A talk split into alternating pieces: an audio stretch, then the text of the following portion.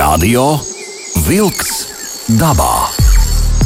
Aktīva atpūta svaigā gaisā, turisma, makšķerēšanas un medību tradīcijas, mežu nozares aktualitātes. Katru otrdienu, 19.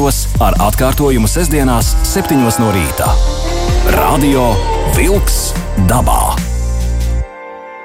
Esiet sveicināti, radio klausītāji. Radījums Radio Vilks dabā ir klāta. Aivis Latvijas Radio 2 studijā Doma laukumā. Savukārt mans kolēģis Sandris Jūra attālināti, bet arī kopā ar mums Sandrija Čau! Jā, sveiki, labvakar! Un šodien kopā ar mums būs arī Latvijas Orientēšanās federācijas prezidents Dagnis Deb De Dedumietis. Un, uh, jāsaka tā, ka, kā, kā lūdzu? Dubrovskis. Sandri, mums būs saruna aizkadrā par šo. Labi. Tā kā jūs. Labojumi, jā. es, es ļoti atvainojos, Dagni. Nekas, nekas man arī gods ir ka kara muzeja. Kā saka, Jā. direktora vārdā, jā. Jā, tā kā. Labi, ķersimies klāt. Šodien būs interesanti saruna mums raidījumā Radio Vilks dabā par, par kartēm un par orientēšanos, protams. Jā, tā tad modernais laiks un tehnoloģijas ir darījuši savu. Nevelti ap zemeslodi rotē dažādi, dažādi veidi pavadoņi, un ne tikai tiek iegūti dati par citām planētām Saules sistēmā, bet ļoti daudz informācijas tiek iegūtas tieši par mūsu planētu Zeme. Un šeit, Dagni, es gribu ar tevi parunāties par šo fantastisko mm, iespēju mūsdienu cilvēkam pētīt un izzināt uh, Zemi, mūsu Zemi ne tikai ar savām acīm, bet pateicoties tehnoloģijām, tātad skatīties kartēs. Un, uh, man liekas, tas pats fantastiskākais ir tas, ka uh, mēs varam redzēt šo te uh, 3D uh, modelējumu, nu, tātad reliefa karti, uh, un tad jau uh, pa slāņiem, uh, gluži kā kūku, uh, griezt uh, un likt pa slānim virsū, kur ir kaut kādas robežas, mājas, uh, pilskalni un dažādas kultūras slānis. Uh, bet skatoties, kā mēs esam uh, kaut kur rakuši grāvjus, kā ir upju, senlejas, ielejas izskalojušas, uh, kur ir kaut kādas gravas, vīgas, tas viss šobrīd ir pieejams, mierīgi sēdi mājās pie datora un skaties kartē, izvēlies uh, vietu, kas tev interesē, un tad tu vari doties jau dabā, uh, pats apskatīties uh, šo vietu, reliefu un atklāt priekš sevis kaut ko pavisam jaunu. Un, uh, kā jau mēs nedaudz aizkadrā runājam, Dagmar, ar tevi, ka šī ir pavisam, pavisam jauna lieta. Uh, tas nozīmē to, ka Latvija, Latviju faktiski var sākt atklāt uh, no jauna. Ko tu saki? Mm, Jā, jaunās tehnoloģijas eh, mums rada iespēju pilnīgi savādāk apskatīties uz mūsu zemi. Un ja vien mums ir mazliet zināšanu un uh, vēlamies uzzināt ko vairāk, tad uh, mūsu zeme ir tiešām ļoti interesants izziņas avots. Jā, un šeit tiešām mazliet jāiezīmē tomēr vēsture. Jo vēl pavisam, pavisam nesenā vēsturē uh, vispār, man liekas, es, es, es šeit gribu pievērst uh, uzmanību jaunai paudzei, uh, uzrunāt jauno paudzi, vispār uh, veidot kartes, varbūt, Dagni, tu vari pāris vārdos tādu mazu vēstures retrospekciju vispār, kā kādreiz veidoja kartes, nu, pirms 100, uh, 200 gadiem. Un kas ir nu, tā īsumā, nu, cik milzīgs lēciens ir noticis uh, 21. gadsimtā? Jā, nu, karšu gatavošana, veidošana jau ir pazīstama jau no seno romiešu, seno grieķu laikiem, kad tapa arī pirmās topografiskās kartas vai skatījums, kāda izskata, varētu izskatīties pasaule.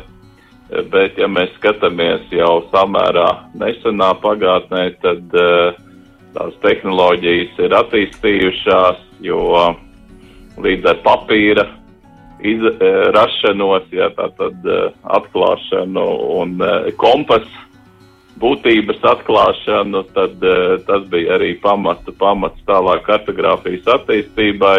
Un, ja skatāmies uz Latvijas vēsturi, teiksim, tās kartes, kas mums uh, Latvijā tiek teiksim, puslīdz jau ar pietiekami lielu detalizācijas pakāpi ir redzamas, tad tas varētu būt tā no 16. un 17. gadsimta. Nu, un, protams, ka jo, jo tuvāk esam mūsdienām, jo karšu detalizācija ir kļuvusi daudz uh, sīkāka, tātad detālāka šīs kartes. Un eh, šobrīd, pateicoties šīm jaunajām tehnoloģijām, mums karšu sagatavošana ir ievērojami vieglāka un ātrāka, jo, nu, ja mēs padomāsim, vēl paskatīsimies pagātnē, tad uh, tās pirmais tehnoloģiskais lēciens bija uh, aptuveni pirms simts gadiem, kad izdomāja Pirmā pasaules kara laikā lidotāji paņemt līdzi lidmašīnā fotoaparātu, lai nofotografētu ienaidnieku pozīcijas, tad tapa aerofotografēšana. Pēc tam tā tad pakāpeniski šīs aerofotografēšanas eh, rezultātā iegūtās aeroainas jau tika izmantotas par pamatu kartēm, lai tātad šīs kartes varētu mērogot eh, tas mērogs atbildu, atbilstu tam, kas ir uz, uz zemes. Tad nu, mūsdienās tāds, tāds nākamais tehnoloģiskais lēciens bija, ka tātad, tika attīstītas globālās navigācijas sistēmas un uh, lāzeru skanēšanas tehnoloģijas, kur uh, lāzeru skanēšanas tehnoloģija rezultātā mēs iegūstam precīzu trīs dimensiju punktu kūli, jeb, jeb tā tad informācija par Zemi, kur ir signāls, lāzera signāls atstarojies dažādos uh, augstumos, uh, dažādās koordinātās, un tālāk jau šo punktu kūli mēs apstrādājam ar specializētajām datorprogrammām, lai iegūtu tātad gan reliefa griezumu, gan, gan teiksim, veģetācijas uh, augstumu Eh, dažādus parametrus, gan arī, ja runājam par mežu, tad arī to, kas mežā atrodas, eh, gan uz zemes, gan arī cik tas mežs ir biesis. Tā kā šīs jaunās tehnoloģijas mums faktiski ir samazinājušas cilvēku fizisko darbu mežā un e, matemātiski ar tehnoloģiju palīdzību. Tātad daļa kartes jau top automatizētā režīmā. Kā tas tehnoloģiskais lēciens ir bijis nu, milzīgs. Nu jā, jo mēs eh, šobrīd eh, mierīgi ierakstām telefonā adresi, teikt, uz kurien mēs vēlamies nokļūt, un mums atliek tikai sekot norādēm. Uh, tāpat laikā vēl pirms gadiem uh, 20 mēs vērām Jāņcētu kārtu vaļā, maldījāmies pa mežiem, pa pilsētām, Eh, pa visādiem ceļu un neceļiem. Protams, tas bija, eh, tu nu, jūties katru reizi kā mazais kolumbs, ja, kurš atklāja eh, sa, savu kaut kādu vēlamo adresi no jauna, maldies pa mežiem, meklē ceļus, tas viss ir uz papīra, ja tās kartes dilst, nodilst, saplīst, pazūd.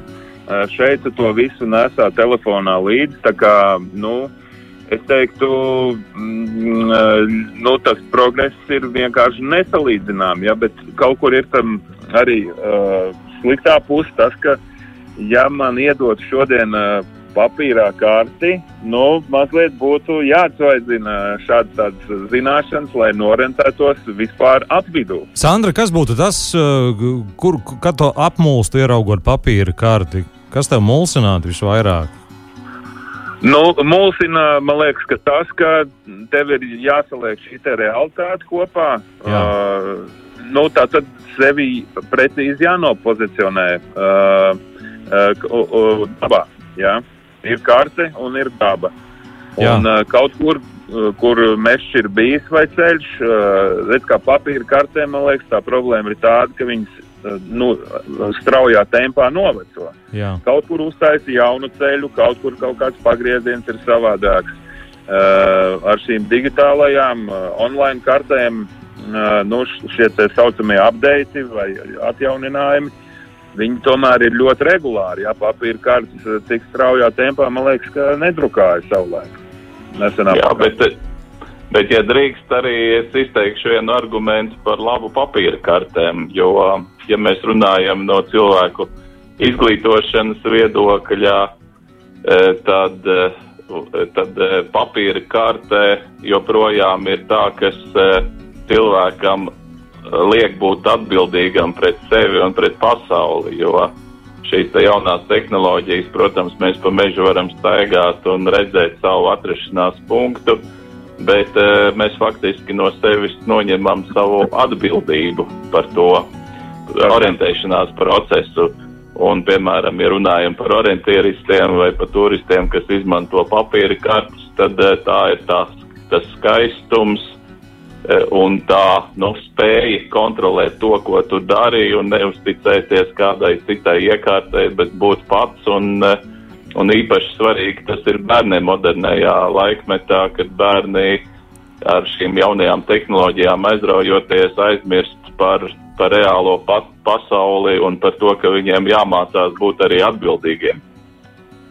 Ziniet, kungi, es zinu pēc savas pieredzes, ka es joprojām cenšos um, orientēties, ejot mežā, ejot makšķerēt nezināmās vietās pēc papīra kartēm. Izdrukāju dažādas versijas, dažādas variantus, dažādas uh, reliefu, nē, nu, zīmējumus un tā tālāk, gan jaunās, gan vecās, gan arī satelīta bildes un tā tālāk. Un pēc šīm kartēm dodos, jā, man ir papīra kaudze līdzi, bet uh, tas piedod tādu kā drošības sajūtu, jo tas pats pētīšanas process šajā kartē man liek arvien vairāk un vairāk iepazīt to vietu, kur potenciāli atkal es došos, piemēram, nu, pēc nedēļas.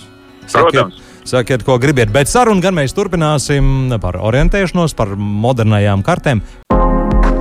Radio Wolks dabā. Aiziet dabā!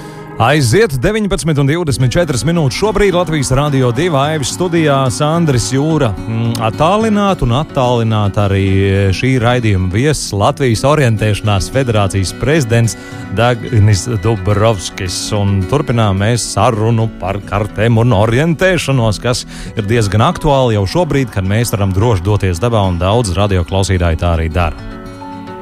Jā, tā tad vēlreiz es gribu atgādināt klausītājiem un sev, cik ļoti mēs esam caurvīti ar, ar visām šīm karšu sistēmām. Dagni, varbūt pieminēsim, nu, es nezinu pat jomu, kurā karte nu, netiek ņemta vērā. Ja? Tā tad, nu, profesionālā ziņā, es domāju, tā ir visa aviācija, tā ir visa kuģošana, uh, tie ir visa transporta loģistika uh, pa uh, ceļiem. Uh, neskaitīsim, cik nopietni, nopietni svarīga ir militārā jomā, ja tātad armijas visām uzpariktēm. Dagni, varbūt vēl ir kāda joma, ko tu vari izcelt, kur šodien bez kartēm nu nekā. Es pat gribētu teikt, ka varētu būt, ka nav tādas jomas, kur kartes kaut kādā ziņā nebūtu vajadzīgas vai nebūtu izmantojamas, jo visā pasaules tirdzniecības sistēmā un iedzīvotāju pārvietošanās ir balstīta kartēs, un kā jau tu minēji, šīs loģistikas sistēmas eh, visas izmanto eh, ceļu optimizācijas algoritmus, lai padarītu preču plūsmu pēc iespējas eh, lētāku un ātrāku mm -hmm. lai taupītu resursus. Tāpēc mūsdienās varbūt mēs pat tā ne, neesam aizdomājušies, bet uh, kartes ir visur. Kartes ir visur un, uh, un teiksim tā, uh, attīstot visu šīs globālās lietas arī mums kā parastajam lietotājam, kā civilai personai, kā vienkārši cilvēkiem, kuri iet dabā. Jo orientēšanās pa pilsētu, tur ir ielām nosaukumi, un var paprasīt garām gājējiem, bet tad, kad tu ej dabā, kokam, lācim vai zaķim, nu, tā teikt, nepaprasīsi, kā tikt ārā no meža, ja tu esi apmaldījies sēņojot, vai arī tu vēlēsies nokļūt no punkta A uz punktu B, un tā tālāk, un orientēšanās sports, kur tu, teiksim, pārstāvi uh, un uh, nes savu ārtavu, ir uh, nu, bez kartēm nav iedomājams vispār. Jā, tā tad viens, kas ir šī fiziskā sagatavotība, uh, ir nepieciešama, lai, lai orientēšanās sportā sportotu, bet ir nepieciešama arī galva uz pleciem, kas spēj orientēties kartē, spēj viņu lasīt. Uh, nevis skatīties, uh, cik skaistas krāsas un līnijas ir kartē. Pastāst, lūdzu, Dagni, uh, tieši par orientēšanās sportu, kā tur kartes, kā tu strādā ar kartēm tieši orientēšanās sportā. Jā, nu, orientēšanās sportā tiešām, kā tu norādīji, karte ir pamats. Un kartes lazī, lasīšana ir ļoti būtisks, svarīgs ele elements. Un, tas galvenais elements, ko cilvēki trenē, trenē orientējoties dabā, ir spēja saskatīt eh, dabā dažādus šos orientierus un spēt tos identificēt ar to, kas ir uz, eh, parādīts uz kartes. Un vēl augstāks līmenis ir jau tad, kad tu lasot karti, tu zini, kas tev būs nākamais orientieris un kā tu to dabā, dabā redzēsi. Un man ir tas mans hobijs un, saka, vaļas prieks eh, tāds, ka es eh, nodarbojos ar orientēšanās karšu sagatavošanu, un tas ir kaut kas līdzvērtīgs kā lasa, eh, nevis lasīt, bet rakstīt grāmatu, rakstīt apvidus grāmatu tādu, kuru jebkurš spēs izlasīt un izmantot savās orientēšanās prasmēs. Un, Tieši tāpēc, teiksim, jāspēj ir nu, to dabu pārvērst šajā saucamajā matemātiskajā modelī, arī pašam savā smadzenēs, pārvērst apzīmējumu sistēmā un uh, uzlikt uz, uz papīra vai kā mūsdienās to dara jau uzlikt uz datora. Bet kādā veidā uh, daba taču ir ļoti dinamiska. Nu, kaut kur dinamiska, kaut kur nē. Ja? Drīzāk uh, Eh, teiksim, meža izauga, ja, meža strāde eh, notiek. Eh, cik ļoti mainās vizuāla nu, šī uztvere, kad, piemēram, es esmu braucis pa to vietu visu laiku, tur ir bijis liels mežs vai meža masīvs. Un es zinu, aiz tā meža masīva tur ir pagrieziens pa kreisi vai pa labi, un es tur vienmēr esmu trāpījis. Un pēkšņi es braucu, un uh, tas ir kā izkrīt instrumenti no rokām. Uh, tur ir meža strāde notikusi, reliefs Eh, nu, visa šī uztvere mainās, kādā veidā tu tiec ar to galā? Nu, pirmkārt, protams, ka kartes ir laika pa laikam jāatjauno, tāpēc, ka eh, ir lielākas vai mazākas izmaiņas apvidū, bet ja mēs jau tā paskatāmies uzmanīgāk, tad mēs pamanīsim, ka šīs izmaiņas notiek nepārtraukti, jo mežs pavasarī izskatās pilnīgi savādāk kā mežs vasarā vai rudenī vai ziemā. Un tas nozīmē, ka mums ir jābūt pietiekami inteliģentiem cilvēkiem, lai mēs šīs e, izmaiņas e, spētu saprast un tās identificēt ar karti joprojām. Un tas ir e, viens no izaicinājumiem sagatavojot, sagatavojot orientēšanās kartes, jo, piemēram, ja zīmē šo karti agrā pavasarī bezlapu stāvoklī, bet, piemēram, sacensības ir plānotas organizēt e, vasaras vidū, tad e, man ir jāparēdz, kāda tā ainava izskatīsies tajā vasaras vidū. Un man, piemēram, ļoti patīk mana e, mežonieka izglītība, jo nu, pēc meža tipiem, pēc koku sugu sastāvu, pēc e, pameža augiem un krūmiem, ja es spēju, spēju atpazīt to, nu, kāda tā ainava varētu būt nākotnē. Tas ir bijis tā kā paredzēt arī, bet, eh, nu, kopumā tā ir tāda ļoti, ļoti, kā saka, diezgan intelektuāla darbība veidot šīs kartas. Tātad šeit nāk iekšā cilvēka faktors, jā, tātad jau tāda individuāla, nevis tikai viennieka nolīdz, bet jau tava interpretācija, jau kaut kāda plānošana uz priekšu nedaudz. Un, nu, tātad jau šie cilvēki ietekme nāk nāk šādā it kā bezpersoniskā uh, karšu veidošanā. Ja? Jā, un jebkurā kārtē patiesībā, ja mēs skatāmies, tad uh, visur ir klātesošs šis cilvēka subjektīvais uh, skatījums uz apvidu, un, piemēram, ja runājam par orientēšanās sportu un tādiem augstas raudzes pasākumiem, uh, kā, teiksim, pasaules čempionāts vai Eiropas čempionāti, tad tur ļoti svarīgi sportistiem zināt, kas ir kartes autors, jo viņi pirms tam arī sagatavošanas procesā trenējās konkrētā kartes autora kartēs, lai atpazītu rokrakstu, lai spētu uh, nolasīt tās katra, teiksim, šī te autora subjektīv, subjektīvo apvidus interpretāciju, lai to pēc tam varētu viegli atpazīt uh, pie ļoti liela pārvietošanās ātruma eh, šajās sacensībās. Uh, nu tad, uh, uh, turpināsim sarunu pēc uh, meža ziņām. Meža ziņas. Vairākos Latvijas novados noteikti bišu stropu pārvietošanas ierobežojumi bakteriālās iedegas izplatības dēļ, liecina valsts auga aizsardzības dienesta publiskotā informācija. Līdz ar pavasara iestāšanos aktivizējas ne tikai dažādi aputeksnētāji, tostarp bites, bet arī dažādas augu slimības, tostarp bīstamā augu karantīnas slimība, bakteriālā iedega, kuru var pārnēsāt aputeksnētāji. Dienestā skaidro, ka bites aplido ziedošos augus plašā teritorijā ap stropu. Tie var būt 3, 5 un pat 7 km. Tādā veidā bakteriālā iedega ar bišu starpniecību var izplatīties citos apkārtnes augļu dārzos.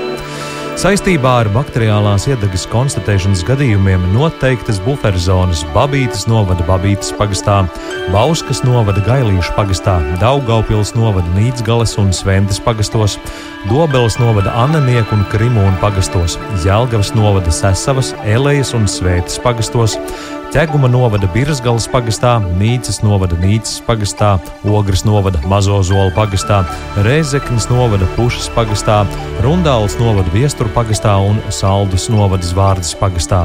Minētās teritorijās jāievēro stropu pārvietošanas ierobežojumi.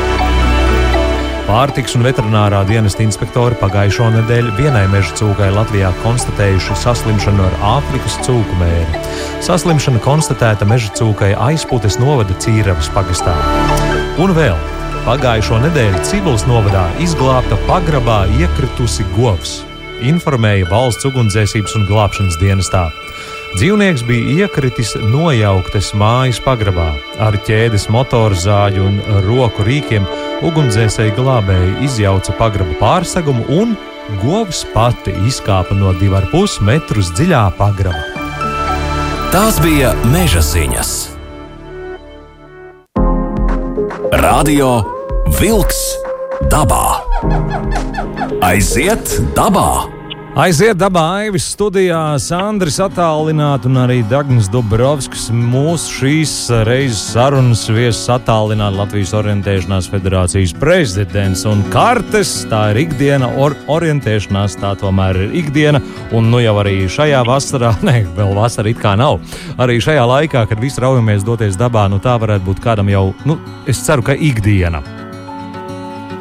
Kongi. Jā, Jā, turpinam, uh, turpinam Dānijas sarunu un uh, pievēršamies uh, tādam lielam notikumam. Un, tas ir pasaules čempionāts orientēšanās sportā, kas notika Latvijā 2018. gadā, kad tev bija tas gods nu, šo rokrakstu atstāt uz kartēm. Un eh, pastāst lūdzu smalkāk eh, mums vienkāršiem parastiem iedzīvotājiem, kā vispār tas notiek. Kā, kā tu veido šīs kartes un ar kādu informāciju tu strādā, no kurienes tu ņem kartes, tas ir kaut kas starptautiski apstiprināts. Kāda vispār noteikumi? Jā, ja 2018. gadā mums Latvijā bija tas gods uh, organizēt pasaules čempionātu orientēšanās uh, sportā. Tas bija tāds pirmais, pirmo reizi tāds pasākums. Tas, tas, ko man bija tā iespēja darīt, uh, būt vienam no karšu autoriem. Un tas bija ļoti sarežģīts un atbildīgs process, jo mūs pārbaudīja Šveices inspektori, kā mēs gatavojam kartes. Tur ar vairāk, vairākas reizes mums bija komisijas dabā, lai pārliecinātos, vai viss atbilst. Bet eh, kopumā ņemot tas eh, karšu sagatavošanās process šobrīd ir diezgan sarežģīts, tāpēc ka, lai karte būtu maksimāli precīza, mēs izmantojam eh, jaunāko pieejamo informāciju par apvidu. Tad eh, Latvijas gadījumā mēs īpaši organizējām un izmantojām lāzeru skenēšanas datus, kur šīs, šīm, šiem apvidiem eh, bija tātad veikta lāzeru skanēšana. Tad mēs apstrādājām eh, šos datus, iegūstot attiecīgi nepieciešamo pamata informāciju kartēšanas veikšanai dabā. Tātad mums bija jau sagatavoti reliefa modeļi, mums bija informācija par uh, to, kur atrodas ceļi, grāvji, uh, teiksim, kontūras. To visu mēs izmantojām un tad uh, devāmies mežā un apsekojām katru kvadrātmetru un, un jau kartējām un likām atbilstoši startautiski apstiprinātajiem karšu Eh, zīmēšanas eh, noteikumiem, standartiem, apzīmējumiem. Mm -hmm. tas, tā, tas notiek tādā veidā, jā, un pēc tam vēlreiz mūs pārbaudīja jau arī šie inspektori. Līdz novērtē, novērsām arī atsevišķas nepilnības, un uh, karte bija gatava pasaules čempionātam. Tātad faktiski tas nozīmē ļoti detālu uh, kartes Eh, apvidus izpēti dabā, pārvietojoties eh, tādā blīvā tīklā, lai ar skatienu būtu eh, pārbaudīts katrs kvadrātmetrs tajā meža masīvā un tik līdz kā ir kāds objekts pamanīts, tad tam jābūt ir attiecīgi izvietotam uz kartes. Uh, saka, lūdzu, vai Latvijas gadījumā ir kaut, kā, kaut kas specifisks, vai arī mazliet savādāk uzdošu jautājumu, kas ir tas lielākais klupšanas akmenis tieši šajā darbā, kas ir tas grūtākais? Nu, ja salīdzina, piemēram, katrai valstī ir kaut kādas īpatnības, un mums mūsu pasaules čempionāta meža distances notika Siguldas apkārtnē, Turēdas apkārtnē, Un tad to, kā noraksturoja pasaules elites orientieristi Latvijas, saprīdu, ka tā ir zaļā elle. Jo atšķirībā, piemēram, no Skandināvijas mežiem vai Centrāla Eiropas mežiem mums arī, kā saka, dienas uh, laikā tā pārvietošanās uh, mežā ir ar ierobežotu redzamību, jo ir ļoti blīvs uh, lapu klājums un tas apvidus nav ļoti tālu pārskatāms, kas, protams, mm -hmm. sarežģīja orientēšanos un nu, tā tad uh, liek uh, vairāk pievērst uzmanību uh, tātad uh, kompasam un tām detaļām kartē, tiem orientieriem, kas ir tūmā, bet uh, nevar ieraudzīt to, nu, to, tos orientierus pietiekamā attālumā, kas, protams, rada jauns izaicinājums. Tas ir līdzīgi kā orientēties eh, ļoti miglainos apstākļos, kad ir ļoti bieza migla, ka tu faktiski vari paļauties tikai uz kaut kādu soļu eh, daudzumu, zinot, cik tu esi attālu un kādu nogājis. Skaties, eh, skaties kartē un mēģini vispār, nu, tādā dabā orientēties ir nu, ļoti grūti, vai nu tev tiešām jānonāk pie tā objekta ir ļoti tuvu, lai tu viņu varētu identificēt, ka tas ir tas, kas ir kartē. Tieši tā, un starp citu tas arī uh, par cik uh, visi sportisti ir aprīkoti ar GPS raidītājiem, tad uh, televīzijā uz lielajiem ekrāniem arī sacensību centrā var sekot līdzi, kā, kā orientieri pārvietojās apvidu un konkrēti pēc pasaules čempionāta Siguldas Laurenču gravās tagad ir jauni vietvārdi, kā piemēram pasaules čempiona Lundanesa Kalniņš, jo viņš tieši šī kalniņa nokļūdījās un tāpat arī Zviedru, Zviedru izcilās sportistes uh, Aleksandersonas uh, uh, grava, kur viņa faktiski savus sacensības pazaudēja, jo aizgāja paralēlajās situācijās, paralēlajos kalniņos, un tur vienmēr sakot arī savu rezultātu noraka. Tā kā mums orientieristiem veidojās līdz ar to sava folklora. Siguldas ļoti skaisti, bet, uh, mini lūdzu arī ātrumu, ar ko pārvietojās uh, šie orientieristi. Mums tas liekas, ka viņi tur tā kā sēnes uh, mēs lasām, ja tādā uh, vieglā uh, pastaigas uh, solītī mini lūdzu ātrums. No ātruma ir uh, maksimāli iespējamie, ja mēs reiķinām, tātad, piemēram, Siguldas gravās. Uh, apvidū tie ātrumi bija tur, kur vieglāk skrienams. Tur bija, teiksim, 3,5 minūtes uz kilometru. Smagos reliefa apstākļos tur nokrīt līdz kādiem 5-6 minūtēm uz kilometru, bet, eh, ja mēs salīdzinām mūsu sportistus ar vieglatlētiem, tad eh, daudzu valstu vieglatlētikas izlasēs eh, startē orientieristi un, piemēram, šobrīd arī Olimpiskajām spēlēm gatavojās pasaules čempioni no Dānijas, kas, kas ir viņu valsts izlasē, top sportisti, nu, vieglatlētikā, garajos gabalos. Un, nu, tātad tie ir. Marija Alma, jā, atvainojiet, Marija Alma, jā. Maija Alma, jā. Tad tie ir kaut kādi 10, uh, mazi 11 km stundā iznāk. Nu, teiksim tā, pasaules čempionātā vīriem viņus parādā stundu 45 minūtes garā distance, un Siguldā šī, šajā laikā viņi veica pa gaisa līniju 16,6 km, ja es pareizi atceros, bet, nu, apvidū reāli tas ir pār pa 20 uh, km.